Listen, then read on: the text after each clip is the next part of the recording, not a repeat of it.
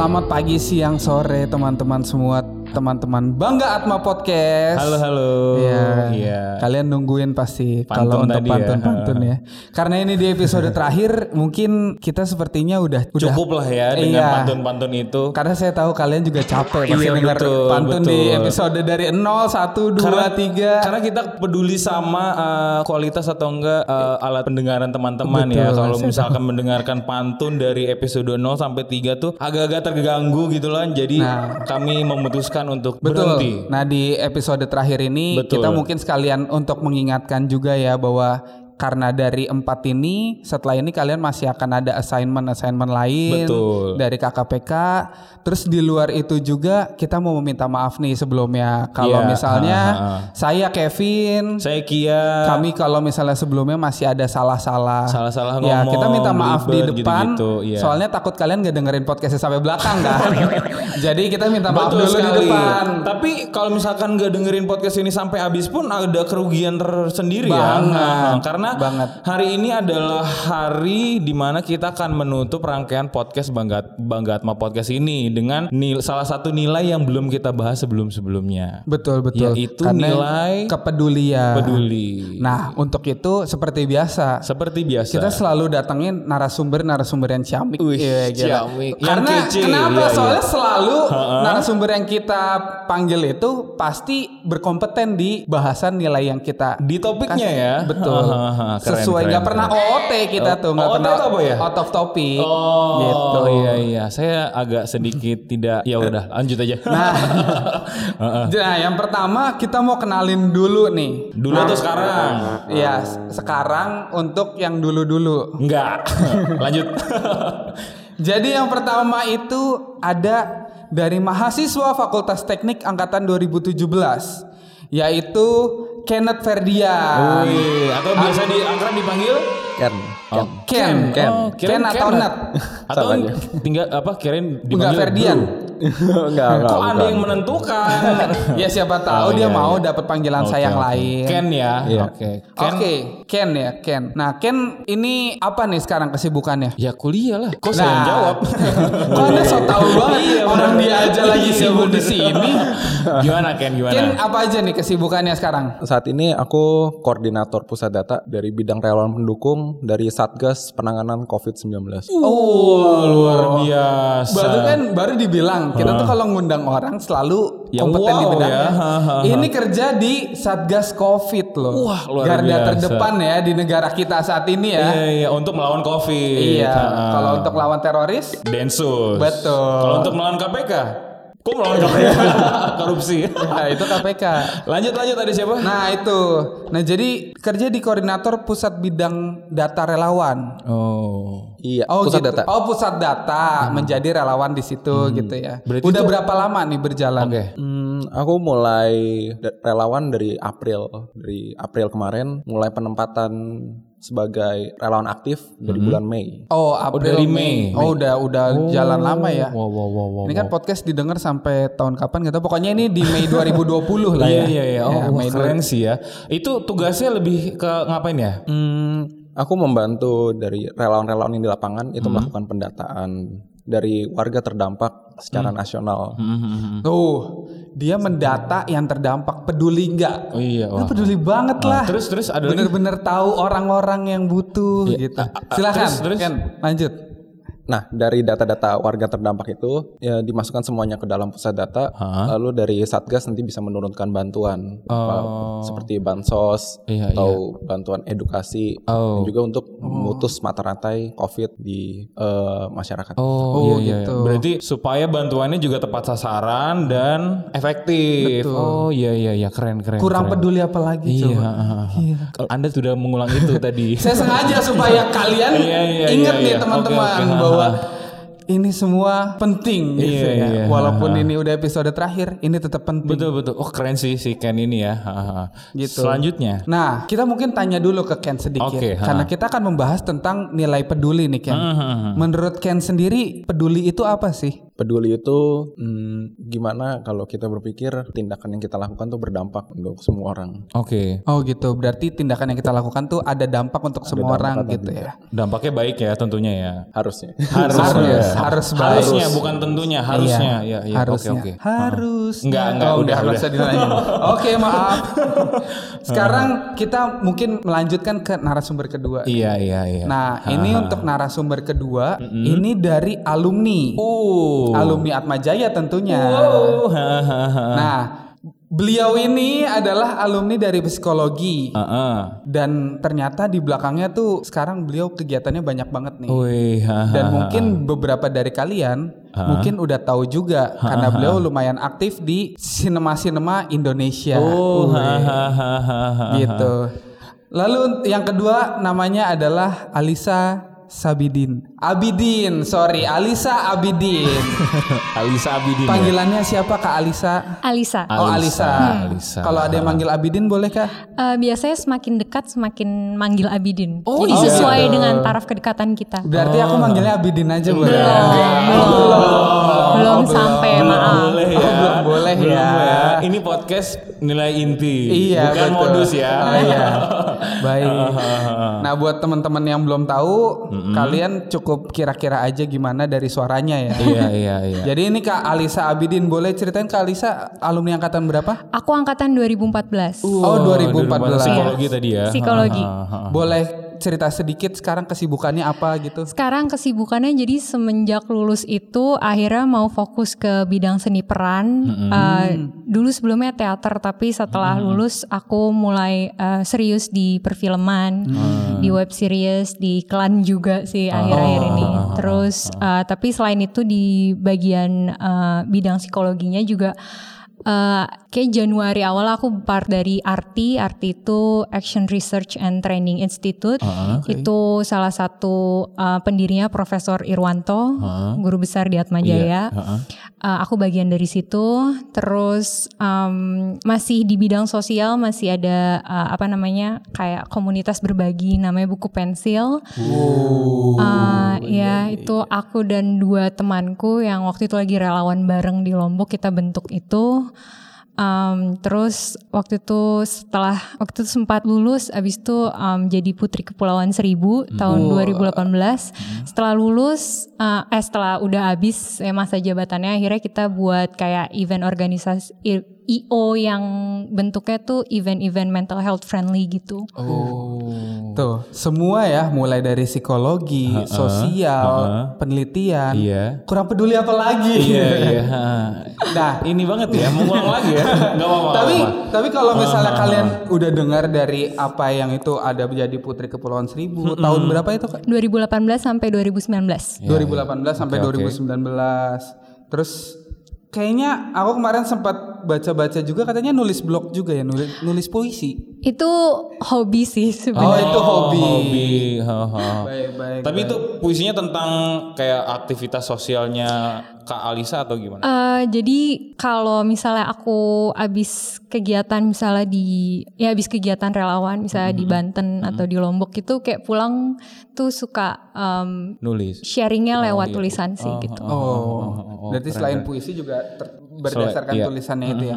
Oke, itu jadi cerita tentang Kak Alisa Abidin. Nah, kalau dari menurut Kak Alisa sendiri nih, Iya. peduli itu apa sih Kak? Sebenarnya menarik sih waktu di brief dan diajak untuk ngebahas ini karena em, selama berkegiatan em, karena memang sudah punya full interest di situ jadi enggak apa ya tidak secara spesifik memikirkan definisinya gitu. Iya, tapi em, setelah dipikir-pikir sih emang pada dasarnya pingin em, pingin apa ya pingin mengajak komunitas-komunitas misalnya komunitas marginal untuk bisa sejahtera bareng gitu dengan cara oke. yang semampuku gitu. Oke. lebih ke situ sih. Oh, jadi peduli itu lebih kepada memikirkan kepentingan orang lain juga ya, ikut Iya, berempati terhadap orang-orang gitu ya. Iya kurang lebih seperti itu. Kurang lebih seperti itu.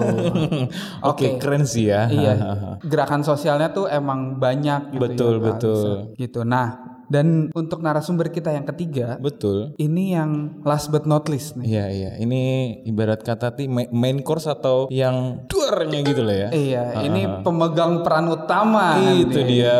Untuk tugas kalian nanti. Iya. nah, Kita, perkenalkan dari Dr. Yohanes Eko Adi Prasetyanto. Pak boleh memperkenalkan diri sedikit? Selamat siang. Eh, selamat siang atau selamat pagi atau selamat malam ini? Iya, boleh pagi, siang, sore, pagi siang sore. Iya. Boleh, pagi siang sore itu beda lagi. Karena Iya, pagi iya. siang sore itu eh, nama restoran kan. Oh, Restoran iya. Padang. Iya, tolong Kita sebut ya. iya, iya, iya. Tolong ntar yang kesebut bayar ya. Editor. Iya iya. terus, terus. Nah, Gimana Pak? em, saat ini saya kebetulan eh, menjabat sebagai wakil rektor bidang eh, penelitian dan kerjasama. Jadi fokusnya adalah em, bagaimana kita meningkatkan bidang penelitian. Sebetulnya tidak hanya penelitian, tetapi kalau lengkapnya adalah penelitian dan pengabdian kepada masyarakat.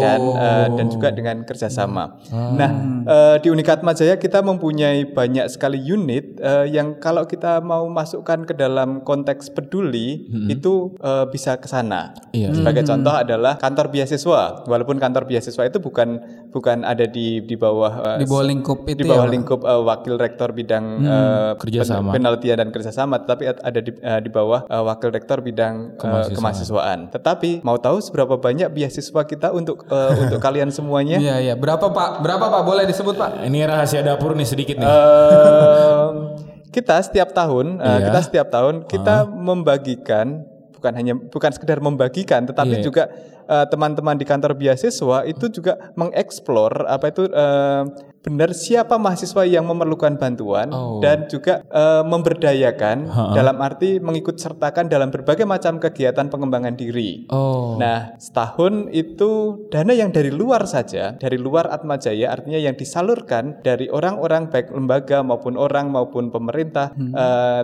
untuk ini lebih dari dua setengah miliar. Kemudian eh, dari internal Atma Jaya, dari internal Atma Jaya sendiri, kalau tadi kan yang dari luar lebih dari Iya, dua setengah. dari eksternalnya ya, Ya, Pak. Di- yang dari internalnya itu ada deh kalau tiga kalinya dari yang eksternal tadi.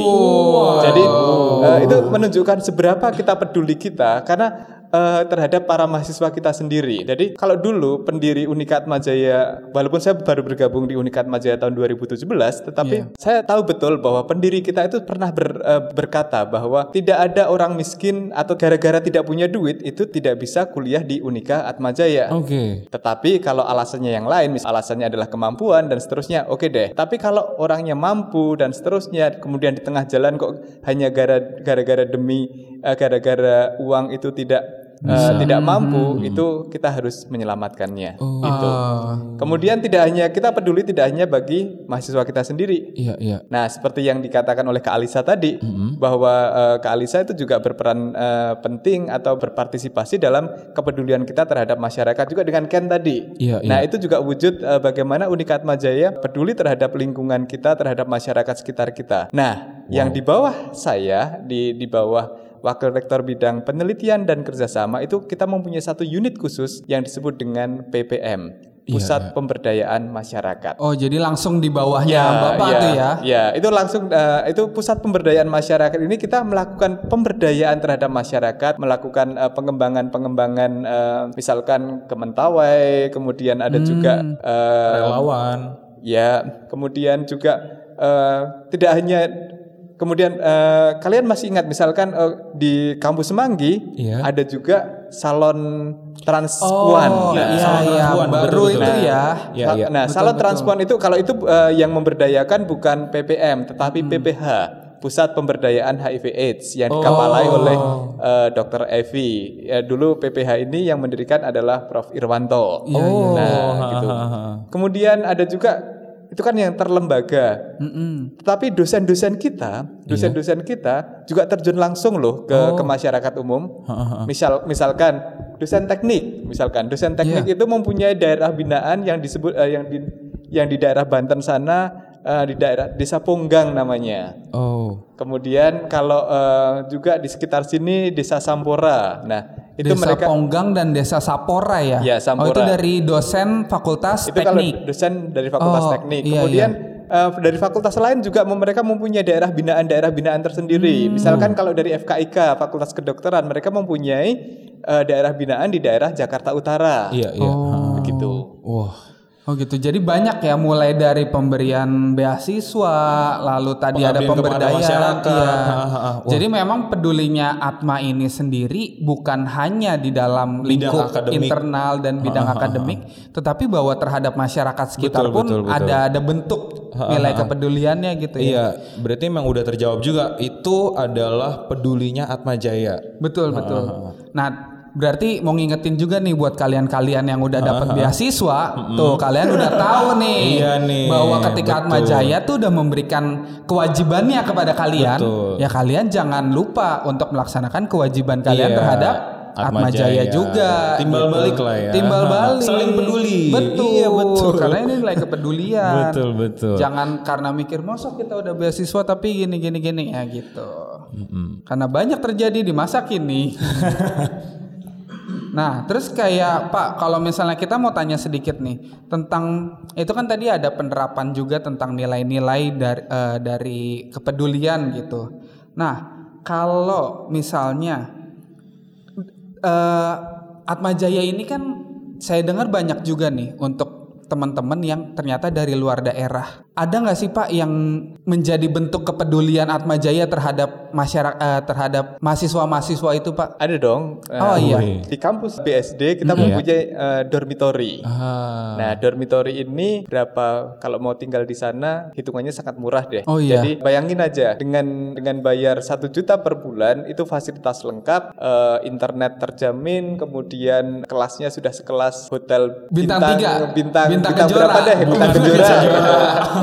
jadi, eh, jadi dan eh, bahkan kalau mau ke kampus nggak perlu eh, nggak perlu eh, keluar Transportasi lagi ongkos ya? transport. Iya, betul. Perlu Jalan transport kaki dong. aja ya. Oh iya betul. Bisa jalan kaki. Betul. Tapi tapi kita eh, Tidak perlu ongkos. nggak perlu ongkos dan dormitory kita keren juga loh. Semua yang tinggal di dormitory itu disediakan sepeda. Oh. Jadi kalau mau berangkat ke kampus itu bisa naik sepeda. Walaupun Sehat ya. Nah, berarti kalau kalian lagi ikut ngetren sepeda, Atma Jaya udah duluan. Atma Jaya udah Iya, nyiapin bener, nih. bener, bener. Ketika kalian baru lagi mikir-mikir beli Brompton, di Atma Jaya udah disediain Kenapa sepeda. sebut merek? Oh iya kan pekerjaan dari Oh iya, editor bener. nih. Aduh.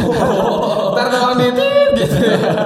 Oke oke. Oh berarti Atma Jaya ini udah nyediain sepeda Ah, gitu. ah, Berarti yang seperti waktu di episode 0 kita juga sudah eh, kasih tentang fasilitas-fasilitas. Iya, kasih Tapi mungkin fasilitas pertanyaan ya. juga nih buat yang dengar. Sepedanya dipinjemin apa dikasih, Pak? dipinjemin dong. Oh, dipinjemin. Tahu dapat fasilitas ya. Tiap ada yang masuk baru dapat baru Eh, lagi. gitu. Nah, nih eh, saya mau nanya ke Ken sama ke Kak Alisa. Ya. Tadi kan dari Kak Alisa itu ada interest sehingga mau melakukan atau aksi sosial ya kan di, di bidang sosial itu. Nah, se- dari Ken sama Kak Alisa sendiri interestnya itu muncul dari eh, dari apa dan eh, ketika di Atma Jaya, apakah Atma Jaya itu benar-benar apa ya enggak mengedepankan akademik aja, tapi ada hal-hal di luar itu yang sampai membuat Kak Alisa sama Ken nih jadi makin interest untuk melakukan tindakan atau eh, aksi sosial gitu loh. Mungkin dari Ken dulu atau Kak Alisa. Um, kalau dari aku sebenarnya kan dari awal memang udah punya ketertarikan di bidang psikologi gitu. Dan um, yang menjadi apa ya uh, turning pointnya waktu itu disuruh ada kelas pilihan kan mata kuliah pilihan. Iya, iya, Dan di situ ya. aku ambil uh, psikologi uh, kelompok marginal. Oh.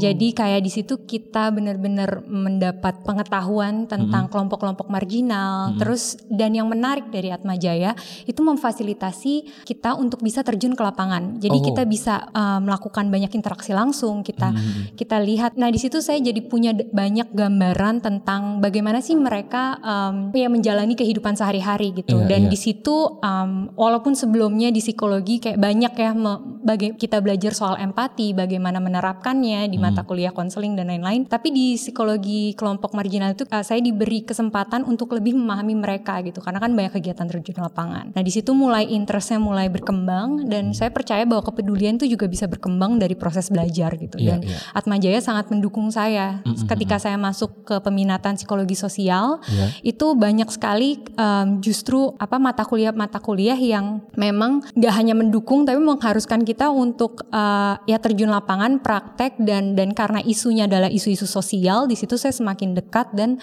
um, saya jadi semakin apa ya semakin tertarik dan um, saya nggak akan bisa maksudnya setelah lulus saya membentuk um, apa komunitas sendiri gitu Iya, kalau iya. tidak Ada di modal. ya jadi sebelumnya selama saya kuliah tuh seolah-olah kayak dimentorin gitu Iya, oleh iya, dosen-dosen iya. saya Sudah dipersiapkan langsung Iya, berarti ya. Ya, ada modal tanda kutip ya. Dan Dan- udah difasilitasi itu Betul, tadi. betul. tidak hanya teori gitu tapi Hmm. memang eh, dosen-dosen kami juga sangat mengupayakan biar kita tuh bisa nggak hanya terjun eh, terjun lapangan buat dapat nilai tapi maksimal berdampak kepada komunitas tersebut Iya, gitu. iya, betul betul. Dan saya merasa termentorin, saya merasa terdukung, saya merasa terfasilitasi. Jadi Iya, eh, eh, jadi di situ saya lebih setelah itu lebih percaya diri dan yang tadi Hmm. saya bilang karena saya sudah melalui proses belajar yang yang didukung. Heeh. Jadi setelah saya lulus rasanya tuh lebih percaya diri gitu. iya. Berarti hitungannya bekalnya udah lengkap ya Iya, dari Atma iya. juga ha, untuk terjun ke masyarakat Keren, keren, gitu. keren. Nah, kalau Ken gimana?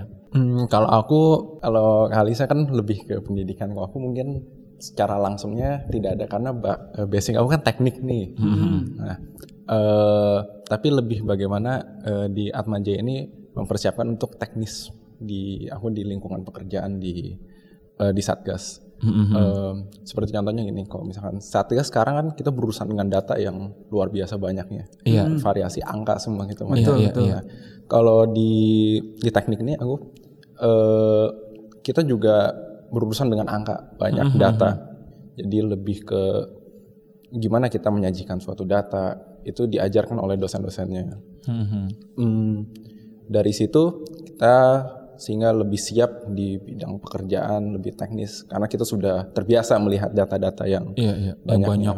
penyajian data dan bagaimana eh, mempresentasikan dari pekerjaan-pekerjaan yang kita punya. Oh, berarti modalnya juga dari kuliah ya. Heeh. Benar berarti udah apa yang dipersiapkan itu bisa diimplementasikan Iya. langsung gitu loh. Dan ya itu tadi kayak kata Kak Alisa eh, didukung dan ya emang harus ke lapangan supaya tahu realnya kayak gimana agar apa yang diberikan juga efektif dan, Dan tepat sasaran. Dan benar yang dibilang Ken juga bahwa salah satu bentuk kepedulian tuh bukan cuman sosial juga bentuknya ada macam-macam Iya, juga iya, gitu. iya, iya. Mungkin kita bisa melihat lebih lebih familiar terhadap kebutuhan sosial, tapi ternyata dari hal-hal seperti itu juga kita bisa menunjukkan bahwa ada sisi nilai kepedulian yang kita Iya, tonjolkan di situ. Kayak gitu. Eh, kalau itu tadi pertanyaannya ke Kak Alisa sama Kak eh, ke Ken ya.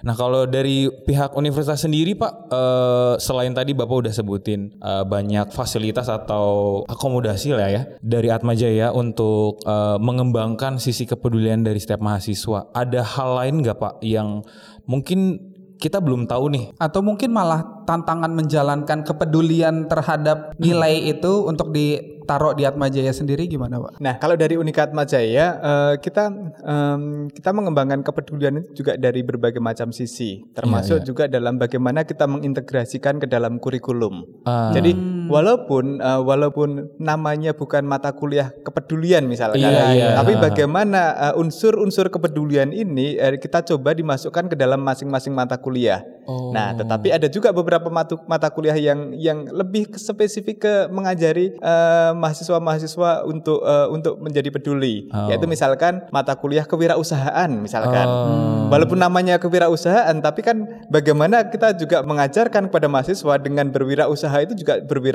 yang peduli terhadap masyarakat. Iya, jadi nggak saling sikut Nggak saling sikut, ya, nggak ya? saling Nggak bagaimana pakai kita- kirim-kiriman Iya, sesuatu ya. itu. Nah, Oke, selanjutnya Pak. Nah, eh, selain itu eh, juga eh, dari eh, tentu saja dari eh, jalur bidang eh, jalur kemahasiswaan, kemudian yang digawangi eh, oleh eh, Biro BKAK eh, itu mereka juga akan membuat banyak hal eh, yang yang juga eh, akan meningkatkan eh, kepedulian terhadap eh, terhadap kepedulian mahasiswa terhadap entah terhadap lingkungannya sendiri maupun lingkungan yang lebih luar. Tetapi sekali lagi, yang paling penting, yang paling penting yang eh, kepedulian itu harus timbul dari mahasiswa itu sendiri. Iya, iya. Seberapa banyak pun kita kita memberikan Fasilitas. fasilitas, Iya, kita iya, iya. memberikan memberikan Materi. materi, tetapi kalau tidak ada tidak ada Iya. kepedulian itu muncul dari dari dalam hati seperti Kak Alisa tadi atau Kak Ken. Nah, itu eh, mereka berdua tuh dari dalam hati sendiri itu sudah punya apa sih yang bisa saya lakukan untuk orang lain? Iya, iya. Nah, semacam itu. Berarti menemukan juga ya di dalam dirinya bahwa rasa peduli itu penting. Hmm. Iya, gitu, iya, betul, Terbentuk. Nah, terakhir nih, mungkin boleh Ken sebagai mahasiswa kasih dong sedikit pesan-pesan untuk teman-teman yang Maba. baru masuk Hmm. ke Atmajaya nih. Iya. Boleh kasih sedikit apa gitu pesan bagaimana supaya mereka lebih peduli di Atmajaya atau mungkin supaya bagaimana mereka menyiapkan diri di Atmajaya itu. Untuk mahasiswa-mahasiswa yang baru, eh, kita tuh bisa mulai peduli tuh nggak harus langsung skalanya besar seperti Iya, Alisa. iya, betul betul. Em, kita bisa mulai dari diri kita sendiri atau ke sesama teman. Kalau kalian kan bentar lagi masuk ke dalam kehidupan kampus, bakal bertemu teman-teman yang baru. Nah, kalian bisa mulai peduli dengan eh, berhubungan teman-teman seperti kalau misalkan ada teman kalian yang kesusahan dalam satu mata kuliah itu nggak boleh ditinggali karena bakal kesian. Iya iya. Iya iya iya. di, di sini tuh eh, bakal nanti kalian bakal bertemu dengan seperti mata kuliah-mata kuliah yang eh, memiliki jalurnya panjang dan berhubungan dari semester 1 hingga semester ke depannya sehingga jika satu mata kuliah itu tidak lulus maka akan menyebabkan dampak yang luar biasa kelulusan kalian bisa mundur Nah, jadi kalian haruslah membantu teman-teman kalian juga Iya iya. oke. Berarti itu peduli dari hal kecil bener Iya, ya, iya, dari ha. merhatiin teman Betul, sekelas betul, aja itu betul, udah betul. bentuk kepedulian Ha, ha. ya sebenarnya. Cuman yang ya. positif juga. Betul. Jangan sampai pas lagi ujian ada temenannya kita kasih jawaban kan itu juga kurang baik ya. Iya, kalau bisa jangan dulu nunggu-nunggu nanya dulu, Iya. kasih duluan. Eh, enggak Oh, dong, enggak dong, Tetap salah. oh, bukan gitu. Bukan. Ya diajarin sebelumnya Iya, ya. Ya Kalau belajar itu. bareng gitu-gitu. Nah, kalau dari Kak Alisa nih sebagai alumni yang sudah merasakan juga dunia kerja lah gitu. Iya, iya. Boleh kasih pesan-pesan nggak untuk teman-teman Maba. kita? Mm. Hmm, sebenarnya sih kayak kalau menurutku ya, em, ketika kita memperluas pemahaman kita akan kepedulian tuh jadi em, bentuk kita atau opportunity kita untuk peduli tuh jadi luas gitu bahwa tidak melulu peduli tuh nyumbang uang gitu terus Iya, kayak iya, gue nggak iya. punya uang jadi gue nggak bisa nyumbang gitu Iya, kayak iya, iya. tidak melulu seperti itu ketika kita punya pemahaman yang luas bahwa sebenarnya peduli itu bisa diterapkan di mana aja dengan apa pun latar belakang kita. Jadi hambatannya itu jadi semakin kecil gitu. Iya, jadi iya. kayak em, kayak nggak ada rumus untuk peduli bahwa lo harus mampu, lo harus dengan status sosial ekonomi tertentu baru lo bisa peduli itu sebenarnya enggak gitu. Iya, Jadi iya, iya. mindset seperti itu dulu yang sama-sama kita coba perluas definisi si peduli itu. Nah, em, untuk aplikasi kan aplikasi itu itu bisa dalam bentuk apa pun kayak contohnya waktu aku lulus dari Atma terus ada gempa di Lombok terus Atma Jaya mem- eh, membuka apa namanya eh, membuka kesempatan Relawan. untuk para relawan. terus kami ke sana. Dan itu ternyata tuh dari berbagai macam latar belakang. Jadi dari kedokteran dari psikologi dari UKM UKM tertentu. Dan uh, itu membuktikan bahwa apa pun latar belakang kita kita bisa sama-sama uh, sama-sama melakukan kebaikan gitu. Iya, iya. Uh, cuman satu prinsip yang aku pegang bahwa uh, ketika kita misalnya mau mengaplikasikan kepedulian kita, misalnya kita menolong gitu ya, uh, prinsip yang waktu itu dikasih tahu sama aku tuh kayak ketika anda tidak bisa membuat situasi lebih baik, setidaknya jangan membuat situasi lebih buruk. Iya, iya. Nah, Luar biasa. jangan sampai kita datang terus malah jadi bela- Malah ngerecok. Ah, ah, Iya, nah, iya. ya itu.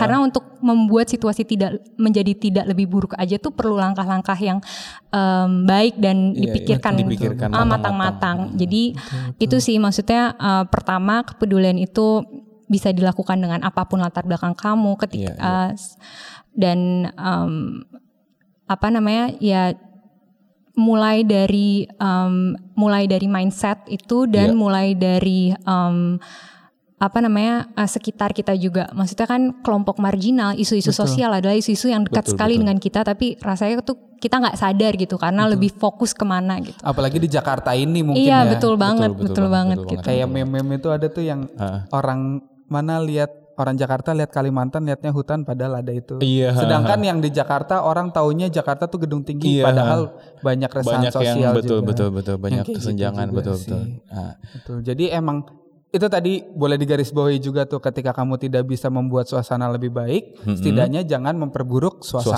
Suasana. Iya, Ya, iya, oke. gitu tuh Luar bagus biasa ya, untuk ha. mengingatkan Anda Pak Kia. Iya, Anda juga. Oh, Kenapa iya, iya, saya iya, doang? nah, tadi kan dari kedua Betul. alumni sama mahasiswa. Kalau dari Bapak Wakil Rektor gimana? Boleh kasih Nah, pesan kalau dari saya tadi kan c- sudah kalian sudah mendengar banyak sekali contoh yang baik dari Kak Alisa, dari Kak Ken, kemudian diskusi-diskusinya. Kalau saya, kalau saya kita kembali ke textbook aja deh. Nah, eh, kata kunci dari peduli tadi apa kata kata kuncinya? Ayo, kalian masih ingat nggak kata kuncinya peduli itu apa saja? Ayo coba kalian ingat nggak? Inget nggak? Tuh teman-teman, kalian Dipikirkan harus ya. ingat. Untuk membantu keingatan kalian, Iya. boleh Pak dijelasin Iya. sedikit. nah, nih eh, kata kuncinya kan tadi eh, apa aja? Eh, peduli kepada yang lemah. Iya. Eh, jadi eh, berpihak pada yang lemah, kemudian menghargai keberagaman, menghargai keberagaman dan itu bisa eh, kita mulai dari dari kita sendiri. Betul, betul. Eh, kemudian nanti kita kembangkan ke yang lebih luas dan eh, terakhir tadi Kak Alisa, Kak Gan sudah memberikan banyak hal. Menurut saya itu sudah cukup sangat-sangat valid dan dan mari kita peduli terhadap kita sendiri, peduli terhadap lingkungan kita, peduli terhadap eh, masyarakat umum terutama yang lemah dan jangan lupa peduli juga terhadap Unika Atmajaya. Wih. Nah berarti saya ingetin lagi nih Iya. nilainya itu berarti itu tadi ada solider terhadap sesama ya, Betul. terus plural, Iya, iya, harus iya. melihat macam-macam dan sama berpihak pada yang lemah. Betul, betul. Gitu, tugas tuh, Tugas. tugas tuh. Jangan Anda lupa seperti di- dosen ya, Jangan lupa padahal Anda hanya host podcast. Ingat. gitu teman-teman. Jadi kalau ditanya kayak tadi harus ingat, nggak boleh lupa. betul, betul. Kayak gitu. Nah, eh, dari keempat podcast yang sudah kita lalui ini, kalau misalkan diambil garis kesimpulan secara garis besar ya, keempat nilai KUPP ini sangat ber- berkaitan satu sama lain ya. Betul. Apalagi nih peduli ini kayak mencakup semuanya gitu loh. Terintegrasi semua betul. ya, Jadi udah kalau, kayak eh, ketika kita umum. peduli itu sama seperti kita unggul juga gitu loh. Betul. Ya kan? Memperlihatkan kalau diri kita tuh unggul. Terus diri kita juga bisa profesional sama apa tadi eh, ada nilai-nilai kepedulian sama juga ya di apa, dalamnya. eh, teman itu kan juga bisa Hmm. Sebagai nilai profesional juga sama Kristiani. Kristiani kan ya walau namanya Kristiani tapi nggak melulu soal Kristen atau Katolik Iya. ya, tapi lebih ke cinta kasih, Ya, kepedulian definisi tersebut yang kemarin itu. kita bahas itu. Betul betul. Nah itu jadi kita mau mengucapkan sekali lagi terima kasih Terima kasih nih banyak. untuk Pak Eko, untuk Kak Alisa, Sama-sama. dan. Ken, Untuk Ken. terima kasih juga. Nah sebelum kita tutup, Oh iya, seperti betul. yang udah kita briefing tadi, Seperti tradisi-tradisi di podcast sebelumnya. iya, kita akan mengucapkan jargon ya. Iya, betul. Udah masih apa enggak jargonnya? Oke, kita Oke, ulang kita lagi ulang, Kak kita Kia. ulang ya. Kita Jadi ulang lagi. ketika- Jadi jargonnya gini nih. Padahal belum di briefing. Anda jangan anda, anda jangan berbicara dusta ya. Dasar Kevin ini. Ternyata mereka bingung semua. Belum Pokoknya di nih, briefing kalau ya teman-teman nggak bisa ngeliat ekspresinya di sini para narasumber pada bingung semua karena Kevin ini. Pokoknya ketika eh, saya bertanya siapa kita, nanti teman-teman narasumber menjawab Kita anak Atma, kita bangga Atma. itu dia. Itu dia. Oke, kita, anak Atma, kita bangga Atma. Kita bangga Atma kembali ya. Enggak. Jangan bikin bingung dong. Ini Oh, lagi iya, ngapalin iya, tuh iya, lihat. bener-bener. Muka-mukanya muka-muka Iya. ngapalin nih. Kita anak Atma, kita Iya, iya. bangga Atma. Oke. Betul betul. Siap? Boleh Kak Kia? Oke. Kita akan berjargon. Siapa kita? Kita, anak Atma, kita bangga Atma. Oke, terima kasih semua. Selamat datang di Unika Sampai jumpa Atmajaya. di kesempatan selanjutnya dan kalian besok masih ada teman-teman. kegiatan lagi.